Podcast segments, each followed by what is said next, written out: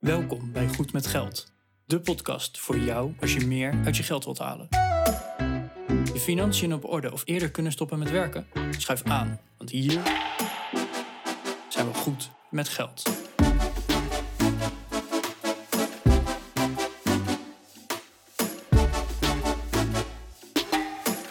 Aflevering 199 van de Goed met Geld podcast.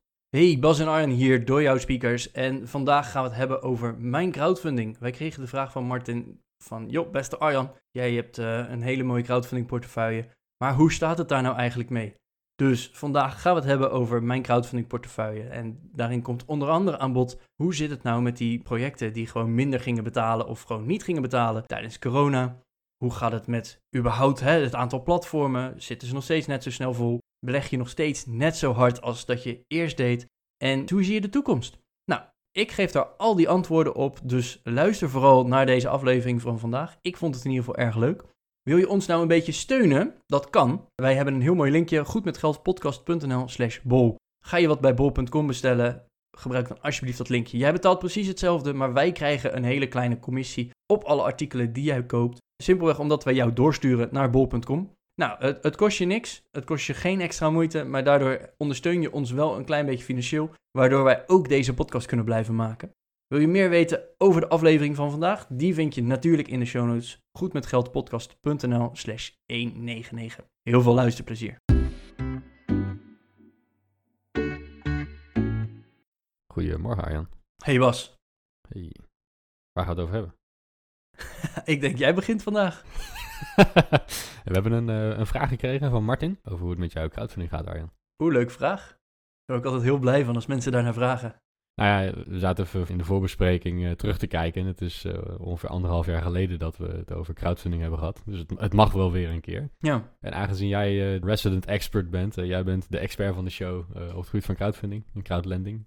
Um, hoe gaat het daarmee? Ja, goed. Stabiel. Ik denk dat dat de, de beste factor is om te noemen. Mhm. Laten we beginnen even met de, de dikke vette disclaimer. Alles wat we hier benoemen is geen financieel advies. Wil je inderdaad gaan crowdfunden? Ja, ik vind het heel leuk, maar check vooral zelf ook even de risico's die, er, die ermee gepaard gaan. En uh, ja, wij delen onze ervaringen op basis van onze eigen ervaring. En dat hoeft dus niet jouw ervaring te zijn of worden. Hou daar alsjeblieft rekening mee. Nou, ik denk dat dat het belangrijkste is wat we even gezegd moeten hebben. Mm um, ja, crowdfunding. Ik ben nog steeds hard aan het crowdfunden. Ik investeer nog steeds elke maand. Maar ik moet ook zeggen, ik ben het wel een beetje aan het afbouwen. Oh. Dus uh, ik denk genoeg info en input voor een, uh, een hele aflevering vandaag. Ja, waarom ben je het aan het afbouwen dan? Ik ben het aan het afbouwen omdat ik... Uh, nou, ik, in mijn strategie, daar had ik natuurlijk eerst zat ik gewoon 100% in crowdfunding. Mm Alles wat ik ging investeren, dat ging naar crowdfunding toe. Dat vond ik op een gegeven moment toch wel alle eieren in één mandje. Hè? Ook al Ja. zat ik in heel veel verschillende projecten. Het zat wel allemaal in het crowdfunding mandje. Dus nou, dat wilde ik gaan veranderen. Nou, dat is op een gegeven moment is, dat, eh, is daar ETF's bijgekomen, aandelen. Ik zit in een vastgoedfonds. En ondertussen merk ik in dat vastgoedfonds, daar maak ik gewoon eens per maand een bedrag naar over. En is het klaar. Ik hoef er verder echt niks aan te doen. Aandelen net zo. Ik koop ze eens per maand en dan is het klaar. Kan wel heel actief gaan traden, maar dat kost over het algemeen alleen maar geld en heel veel tijd en heel veel stress. Mhm. En dat zit dus niet in de strategie. Het is gewoon kopen, klaar, kopen, klaar. Oké. En bij crowdfunding, of crowdlending, hè, want crowdfunding is als je eh, collecteert voor eh, de Hartstichting bijvoorbeeld, dat is ook een crowdfunding. Iedereen geeft een euro, dus op een gegeven moment heb je heel veel euro's. Kan je goede dingen mee doen. Mhm. Crowdlending, waar ik aan doe, dan zoekt een ondernemer, eh, die zoekt financiering voor zijn bedrijf, voor zijn goede plannen, voor zijn hè, tweede huis zou zelfs kunnen zijn. Eh, dat zijn dan vaak particulieren, maar ik vind dat, dat je toch een beetje ondernemend bent. En die zoeken dus een, een geldbedrag voor een bepaald doel. Mhm. Nou, heel veel mensen die leggen daar geld op in. En uiteindelijk krijg je elke maand een stukje rente. En soms ook elke maand een stukje aflossing. Of aan het eind krijg je de hele aflossing. Maar het doel is wel dat het geld terugkomt met wat rendement. Hm. Dus het is gewoon crowdlending. En ik merk daar gewoon best wel dat het me best wel veel werk kost. Want elke maand krijg, komt er dus geld terug. Mhm. Alleen al de, het rendement komt elke maand terug, maar ook een stukje aflossing. Dus langzamerhand zit er elke maand minder in crowdlending als ik niks doe. Dus elke maand moet ik actief op zoek naar een nieuw project Moet ik op tijd zijn om in te leggen? Moet ik een administratie bijwerken? Want dat vind ik zelf heel prettig. Dat ik in ieder geval weet van, hey, wie betalen wel, wie betalen niet. En uh, welk platform moet ik gaan mailen. Dat ik ondertussen toch wel een beetje verwacht dat er weer geld komt. Mhm. Dus daar zit gewoon wat meer werk in. Ik vind het nog steeds wel leuk. Uh, dat is ook wel belangrijk. Het, het, is echt een variatie op uh, het vastgoedfonds waar ik in zit en de aandelen waar ik in zit. Dus het is echt een, een derde pijler in mijn investeringsstrategie. Maar ik merk ook wel dat, het, ja, dat ik in ieder geval wat wil afbouwen. Dus wat ik op dit moment doe, ik, uh, het, het, geld wat erin zit, dat laat ik erin zitten. Maar het rendement room ik steeds af. Mhm. En dat rendement dat gaat weer ergens anders geïnvesteerd worden. Mhm. Dus het, het bedrag wat ik er ooit heb ingelegd, dat bedrag blijft hetzelfde. Alleen het uitstaande bedrag blijft precies hetzelfde en het rendement wordt niet opnieuw ingelegd. Hmm. En op die manier ben ik het toch wel een soort van langzaam aan het afbouwen. Of ben ik mijn andere investeringspijlers uh, wat sneller aan het opbouwen dan alleen met mijn salaris. Zo kan je het ook zien. Ja, oké. Ja, dus, dus eigenlijk effectief gezien uh, uh, ja, komt, er komt er niks voorbij. Ja, dat klopt. En omdat er dus elke maand wel wat afgelost wordt, moet ik wel elke maand nieuwe projecten nog steeds scoren. Ja, oké, dus, de, dus de, het rendement haal je eruit en dat investeer je in, uh, op andere plekken. Uh, Ja. Maar wat er, wat er afgelost wordt, hè, dat, dat zorgt eigenlijk voor een daling van je portefeuille. Hè, want je, dat, die, die belegging die komt weer terug naar jou als, als geld. Ja. Die blijf je wel beleggen, zodat de totale waarde van je portefeuille een beetje gelijk blijft. Ja. Ah. Hey, de vorige keer heb je het ook gehad over, eh, over corona. We zaten toen, eh, nou, ik denk anderhalf jaar terug, midden in een grote pandemie. En, nou, misschien eh, zitten we er nu wel weer in, of, of komt er weer wat deze winter, geen idee eigenlijk. Maar daar hadden best wel veel bedrijven last van. Wat heeft geresulteerd in betalingsuitstel, misschien ook wel afstel, probleem, bedrijven die in de problemen zijn gekomen. Misschien bedrijven die in de problemen komen, maar door corona steun destijds vanuit de overheid in leven werden gehouden. Ja. Eh, Die steun is afgelopen. De lockdowns zijn ook afgelopen. Hoe, eh, hoe loopt dat nu met die probleemprojecten? Nou, als je gaat kijken, ik had echt wel een, een project of 50, 60 uit mijn hoofd gezegd. Die dus inderdaad uitstel hebben aangevraagd. Van hé, hey, het, eh, het lukt gewoon niet. De, de klanten blijven weg, we kunnen niks verkopen. Dus hè, zou Hmm. alsjeblieft die lening uitgesteld mogen worden. Ehm, ik ben ter voorbereiding van deze aflevering door die lijst gegaan. En ongeveer een derde, die heeft nog steeds grote problemen slash achterstanden. Hmm. Dus twee derde die is ondertussen of weer bij of is bij aan het komen. Hè? Want als je anderhalf jaar niet betaalt, dat kan je niet in één keer even aftikken. Nee. Dus eh, prima, snap ik allemaal. En toch een derde daarvan die nog steeds echt of gigantische achterstanden heeft, of die, die hebben dan een betalingsregeling. Eh, dus en dat, dat gaat dan echt met, met 100 of 200 euro per maand, dat ze dan alsnog eh, als een soort van goodwill ook aflossen. Maar op hè, grote bedragen die dan uitgeleend zijn, is 100 of 200 euro natuurlijk niet zo heel veel. Nee. Maar goed, alle beetjes die, die zijn er wel weer, eh, weer bij. Dus ja, je merkt wel dat daar nog steeds wat, wat nasleep van is. De meeste projecten daarvan heb ik ook gewoon afgeschreven. Van ja, dat, ik zie het niet meer terugkomen. Alles wat nog terugkomt is mooi meegenomen. Ja. Maar ja, dat, dat merk je toch wel dat daar nog steeds een nasleep van is. En eh, wat misschien ook wel goed te benoemen is, is uiteindelijk duurt het gewoon langer voordat mijn geld terugkomt. Maar er staat geen extra vergoeding tegenover. Hmm, dus je effectieve rendement gaat omlaag. Ja, mijn effectieve Ja. rendement is omlaag gegaan. Simpelweg omdat hè, als een bedrijf een half jaar uitstel heeft gekregen. Nou, het, het verschilde een beetje per platform. Maar sommige platforms die zeiden, nou, hè, dan betaal je alleen de rente. Andere zeiden, oké, nou dan betaal je gewoon een half jaar niks. En dan stellen we het een half jaar uit. Nou ja. En dan gaan we vanaf daar weer gewoon verder alsof het een half jaar eerder was. Mhm.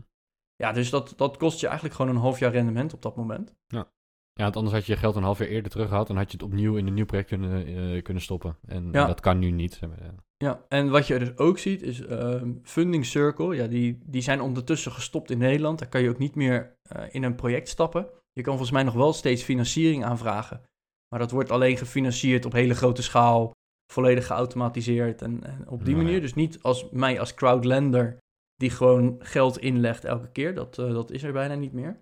Mhm. En daar zie je dat de echte betaalproblemen, dus dat ze een betalingsregeling hebben en dat soort dingen, dat ze dan over het algemeen ook gewoon alleen maar de uitstaande som nog ah, betalen. En het rendement Ja, ja. is ongeveer een beetje, ja, dat, dat zit er nog wel ergens, maar Mhm. daar heb ik nou nog niet echt de duidelijkheid over van, gaat het beloofde rendement nou nog komen of niet? En dat is dan niet eens het percentage, stel, alleen de 20.000 euro. En eh, in de looptijd van twee jaar moesten ze 2000 euro aan rendement betalen of hè, zoiets, of aan, aan Mhm. rente. Mhm. Dan wordt er nu in ieder geval gewerkt dat die 20.000 terugkomt en die 2000 euro aan rentevergoeding. Ja, dat, dat is nou nog niet helemaal duidelijk. Soms komt het wel, soms niet. Het, het- dat is een beetje vaag. En in de administratie kan ik dat ook niet heel goed terugvinden van, het, van dat platform in, dit, in specifiek. Oké. Maar eh, aan de andere kant, ik moet ook zeggen, dat platform is er niet meer. Eh, ik geloof dat er nog twee werknemers in Nederland zitten die, eh, die de, de laatste afwikkelingen doen. Mhm. Eh, terwijl dat bedrijf had op een gegeven moment echt meer dan 100 werknemers. Dus dat is echt een zeer afgeslankte vorm wat nog in Nederland beschikbaar is. Ja, precies. Dus, en dat, dat merk je dan ook wel. Dat vind ik bij, bij eh, Funding Circle dus inderdaad best wel. Ik denk, ja, eh, ik, ik moet nu actief om een update vragen. Dus ik vraag Mhm. nu eens per zoveel maanden om een update van de betalingen die, die achterlopen. Of nee, hoe staat het er nou eigenlijk mee? Mhm. Dat, eh, dat doen ze ook niet actief meer. Dus daar merk je gewoon dat ze echt aan het afbouwen zijn, aan het stoppen. En de, de laatste losse eindjes nog even fixen. Maar dan gaan ze denk ik gewoon weg. En eh, platforms zoals eh, iVestor bijvoorbeeld, is dat, zijn dat dingen waar je naar kijkt? Zegt dat je überhaupt iets? Of? Ik moet heel eerlijk zeggen, nee. Want ik, Nee. Eh, even, even, misschien goed de achtergrond. Ik ben ooit begonnen bij een Nederlands platform, Geld voor elkaar. Mhm. Daar zat ik helemaal in. Nou, toen dacht ik, hé, hey, ik zit nu op één platform. Dat is ook weer alle eieren in één mandje. Dus ik ben naar wat meer platformen gaan kijken. Nou, op een gegeven moment kwam Kapitaal op Maat erbij, Funding Circle, iGo Dutch, eh, ja. Samen in Geld. Nou, die vijf platformen, dat zijn toch eigenlijk wel de grootste vijf waar ik, eh, waar ik in heb gezeten. Ja. Omdat ik het juist aan het afbouwen ben, ben ik ook niet nog verder aan het zoeken naar nog weer nieuwe platformen. Want elke, elk platform die heeft het net weer anders geadministreerd, net weer anders berekend. Mhm. Dus ik, ik probeer daar wel iets van eenlijnigheid in te krijgen. Eh, zeker in mijn eigen administratie, omdat ik dat gewoon fijn vind. Ja. Dus nee, op dit moment is het, is het aantal platformen in mijn portefeuille zeer beperkt. Maar jij noemde er eentje. Wat, eh, wat is dat voor platform? Ja, ik heb eigenlijk geen idee. Ik heb er zelf geen ervaring mee, maar ik hoorde hem laatst in een podcast langskomen. iVestor is een Nederlands, eh, Nederlands bedrijf. En zij hebben een platform gebouwd waarin andere bedrijven, start-ups eh, bijvoorbeeld, geld kunnen ophalen bij de crowd. Mhm. Maar dat, dat, dan geen crowdlending waar ze een lening aangaan, maar waarbij ze dus aandelen uitgeven. Wat voorheen eigenlijk alleen maar door investeerders gedaan werd. En eh, nou ja, met name de wat grotere tickets. Hè. Dus een, een investeerder investeert vanaf 10.000 euro in een, in een early stage eh, start-up. Eh, wordt dat nu al dat ze vanaf, ik, ik heb geen idee hoor, maar vanaf kleinere bedragen mee kunnen doen. Omdat zij een platform hebben waarin ze dat gewoon goed hebben geregeld. En, en op die manier geld kunnen verzamelen van de crowd. Maar, maar dan dus met equity in plaats van met, met leningen. Oh, wat grappig. Ja, ik ik Ja. heb dit al eerder gehoord. Er waren in ieder geval andere platformen die dit Mhm. ook deden. Oké. Ehm, of in ieder geval sowieso voor startups, maar volgens mij zelfs in, eh, in aandelen eh, tranches Mhm. eigenlijk. Daar ben ik toen ook heel bewust niet in gaan zitten, omdat ik eigenlijk dacht van ja, wat als? Hè, we hebben het aan het begin Mm, van deze ja. aflevering al gehad van hey, de risico's die zijn voor jezelf en eh, check dat vooral zelf even.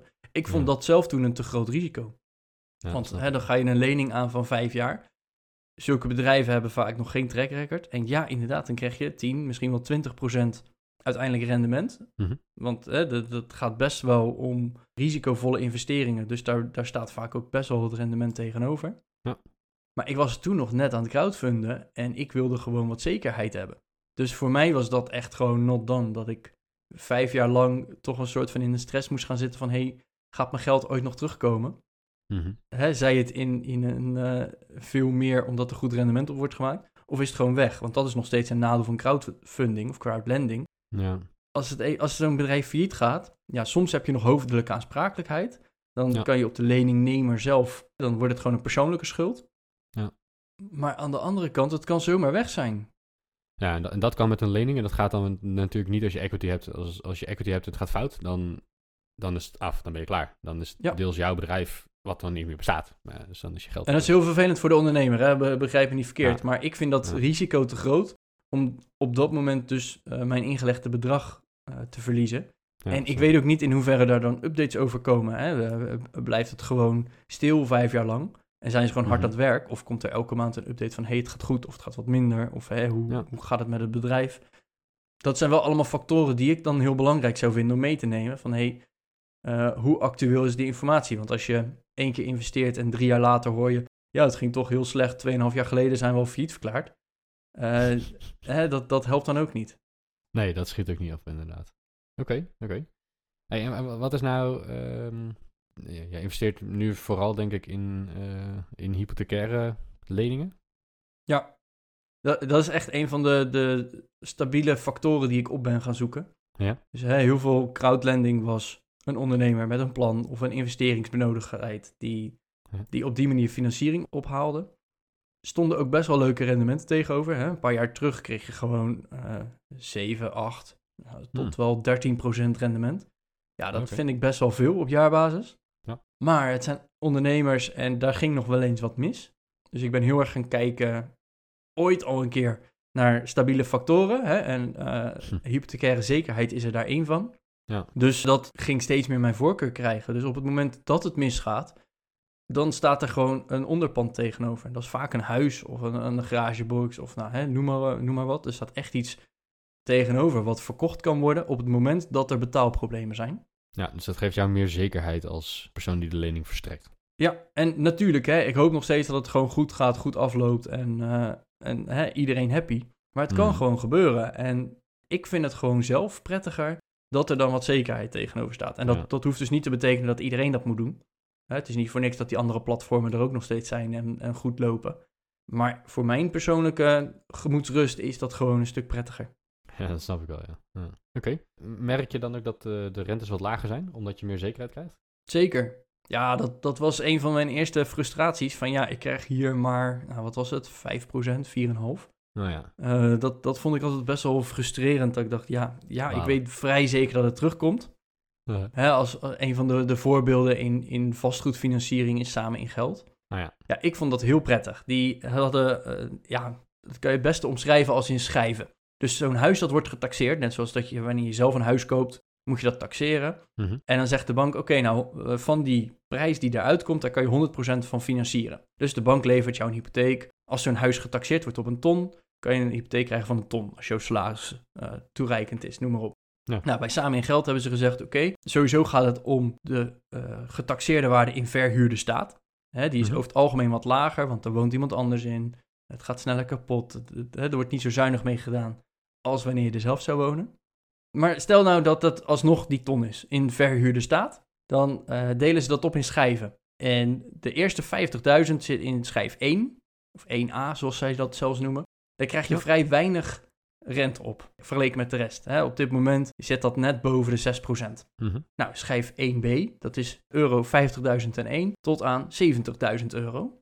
Schijf 2 is eh 70.000 euro en 1 tot en met 85.000 euro. En Mhm. vroeger kon je tot 100.000 euro echt lenen, dat hebben ze recent ook aangepast. Maar je kan nu tot 90.000 euro dan van lenen, dus 90%. En over die laatste 1000, 5000 euro, dat is dan schijf 3. Nou, Nou ja. en hoe hoger de schijf, hoe hoger het rentepercentage. Dus dat gaat van iets meer dan 6% naar 6,5%, iets meer dan 7% en bijna 8%. En dat zijn een Nou, beetje de, de wel- gradaties op dit moment.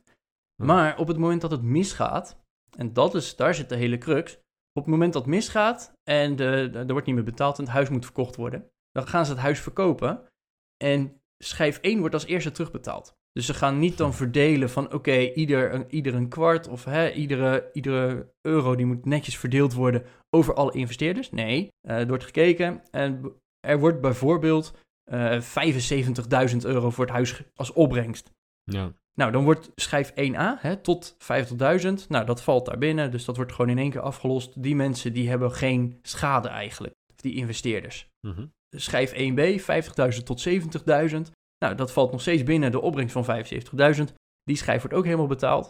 En dan schijf 2, dus dat is 70 tot 85.000. Nou, daar is nog 5.000 euro voor over.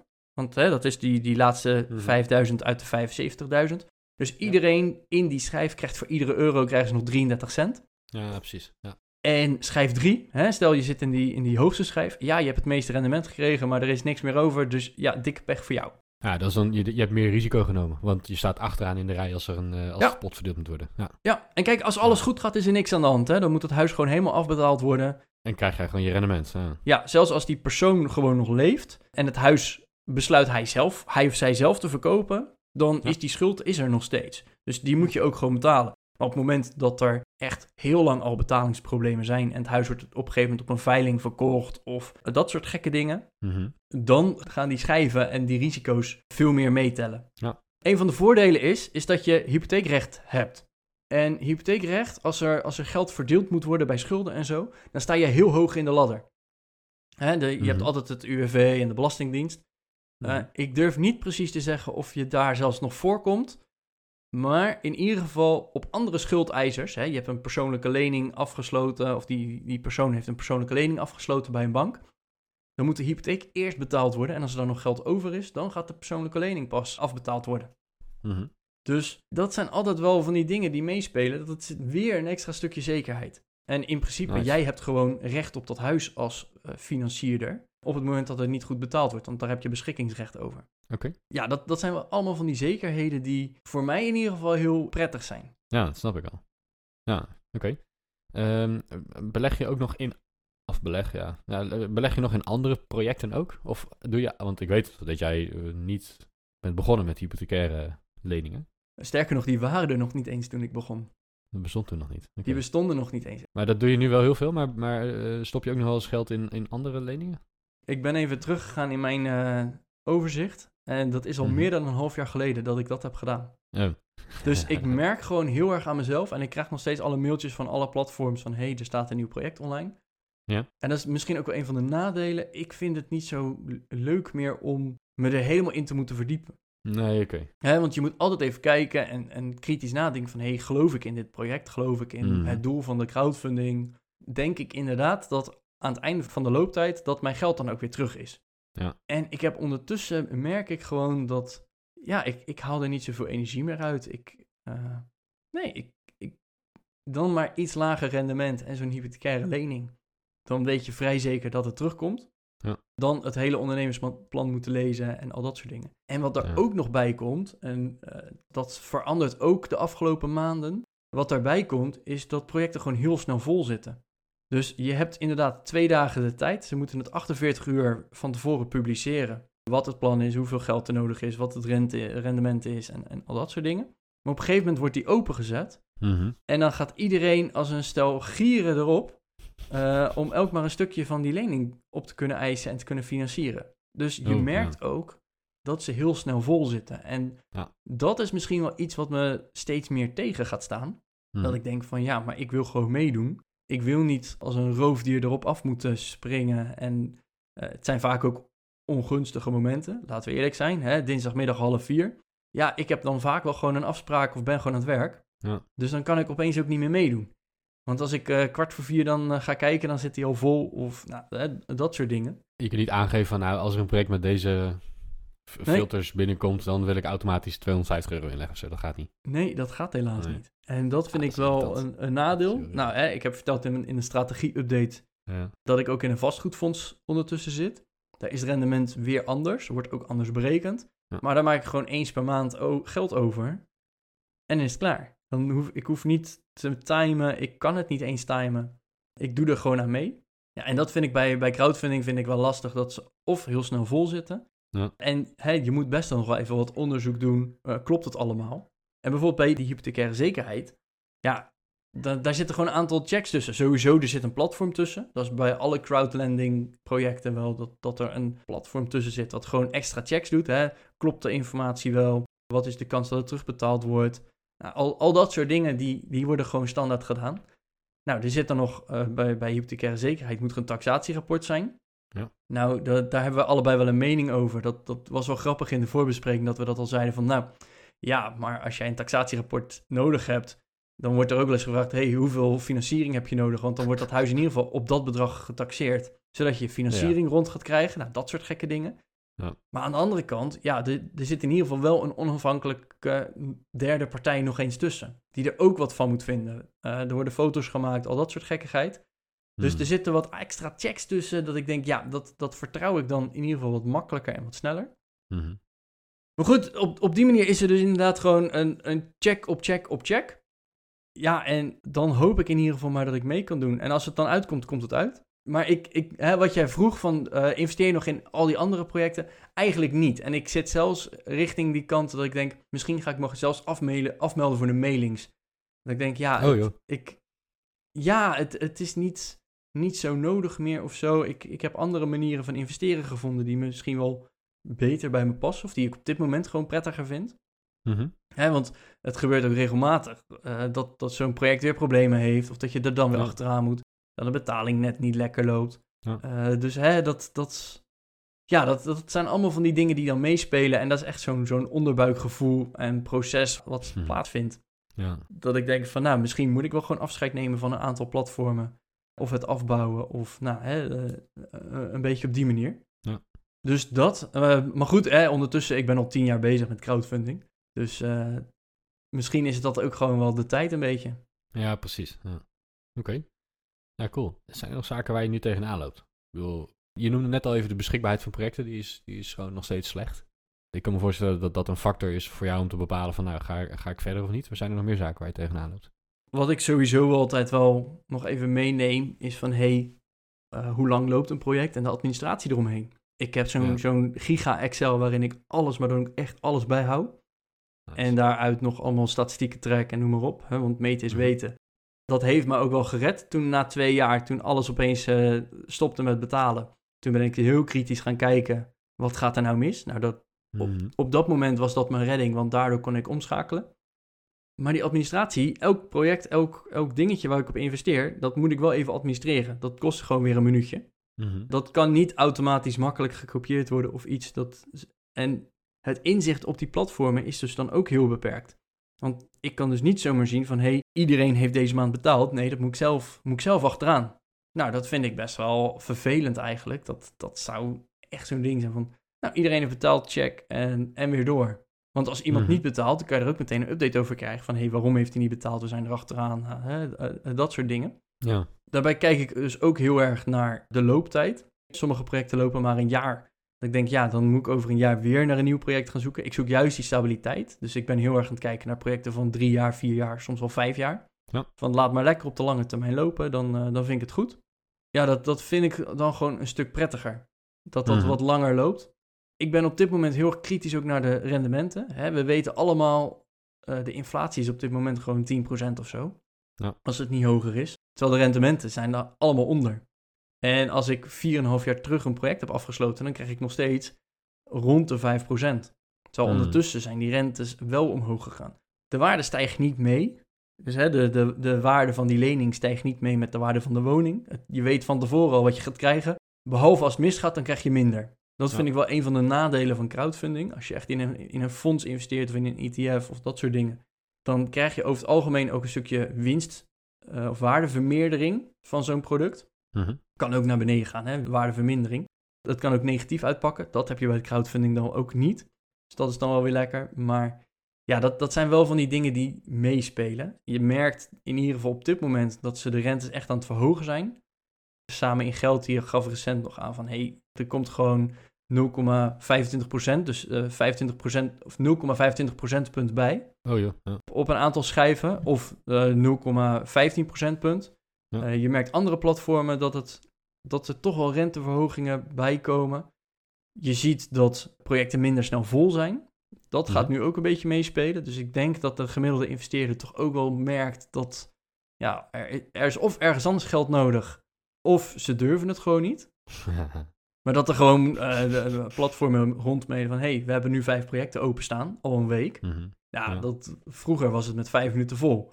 Weet je, dus dat, dat, ja, da- daar zit dan wat te knagen. Ja, dat gaat snel dan, hè? Ja, en die vastgoedmarkt, je merkt gewoon dat daar ook wat, ja, wat voorzichtigheid in komt. Vroeger kon je financieren tot 100% van de verhuurde staat.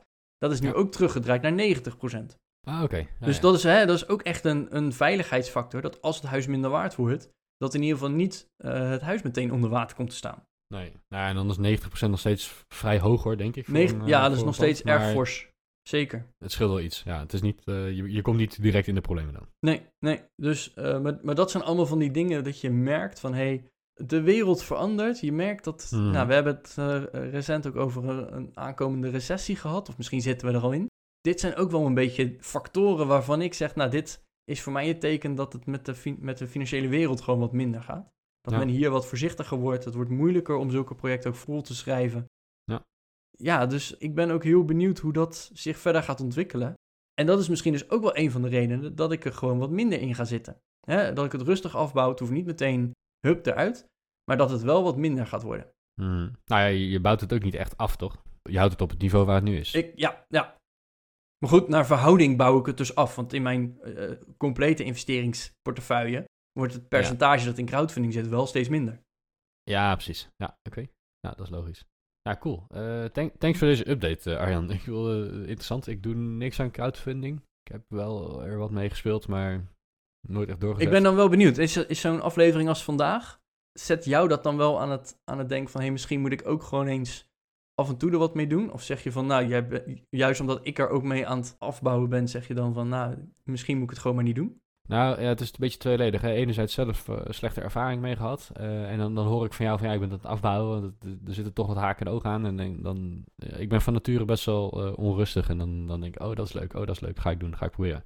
Dat brengt me heel ver, denk ik, in het leven en in business enzovoorts. Maar in dit geval is het denk ik goed om er dan een beetje afgeremd te worden. Dus dan, dan vaar ik wel op jouw ervaring. Als jij zegt van, ja, ik ga er niet eh, meer mee doen. Of ik, ik hou het op niveau. Dan denk ik, nou, dan, dan ga ik er ook niet aan beginnen. Oh ja. Even als voorbeeld, eh, je kunt natuurlijk je geld uitlenen aan een vastgoedbelegger. En dan krijg je 4, 5 of 6 procent rente, weet ik veel. Ja, ik, ik wil die vastgoedbelegger, ik wil dat pand hebben. In mijn eentje of met anderen, dat, dat maakt me niet zo uit. Maar ik, ik ben nog niet op het punt in mijn leven dat ik eh, de bank wil spelen.